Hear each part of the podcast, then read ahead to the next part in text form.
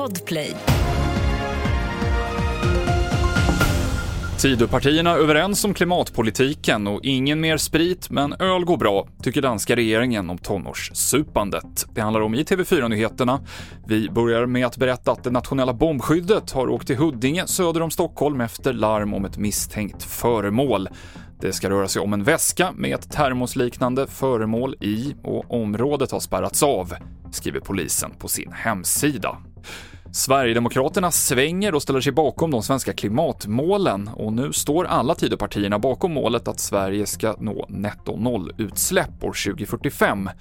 Uppgörelsen slår fast att klimatpolitiken ska utgå från tre principer. Globala utsläppsminskningar, teknikutveckling och ekonomisk tillväxt. Inom klimatpolitiken, om man ska snäva in sig lite, så är vår utgångspunkt att eh, vi ska bidra till minskade utsläpp och vi ska göra det med en politik som inte går ut över hushållens ekonomi och som inte förhindrar möjligheterna till jobb och tillväxt för eh, företag och då även mindre företag, inte bara de här stora företagen som kanske får massa statligt stöd. Vi bryr oss också om de mindre företagen.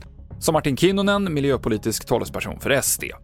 I Danmark vill regeringen minska ungas drickande och nikotinanvändning. Snuspriset ska höjas med i genomsnitt 12 kronor rosan och 16 och 17-åringar ska få köpa alkoholprodukter med max 6% alkohol i istället för dagens 16,5. Vi ska vara ett samhälle där 16 och 17-åringar kan köpa en öl, men vi säger nej när det kommer till vin och sprit, säger den danska folkhälsoministern enligt DR.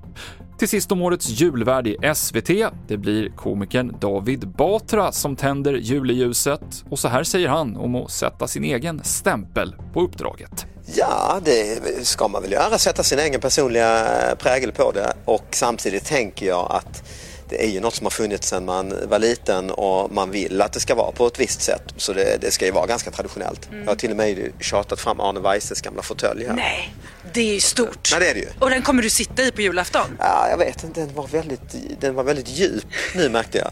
Årets julvärd David Batra sa det till vår reporter Caroline Björnerhag och det avslutar TV4-nyheterna.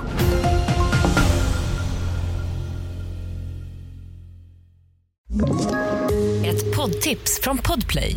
I fallen jag aldrig glömmer djupdyker Hasse Aro i arbetet bakom några av Sveriges mest uppseendeväckande brottsutredningar. Går vi in med hemlig telefonavlyssning och, och då upplever vi att vi får en total förändring av hans beteende. Vad är det som händer nu? Vem är det som läcker? Och så säger han att jag är kriminell, jag har varit kriminell i hela mitt liv men att mörda ett barn, där går min gräns. Nya säsongen av Fallen jag aldrig glömmer på Podplay.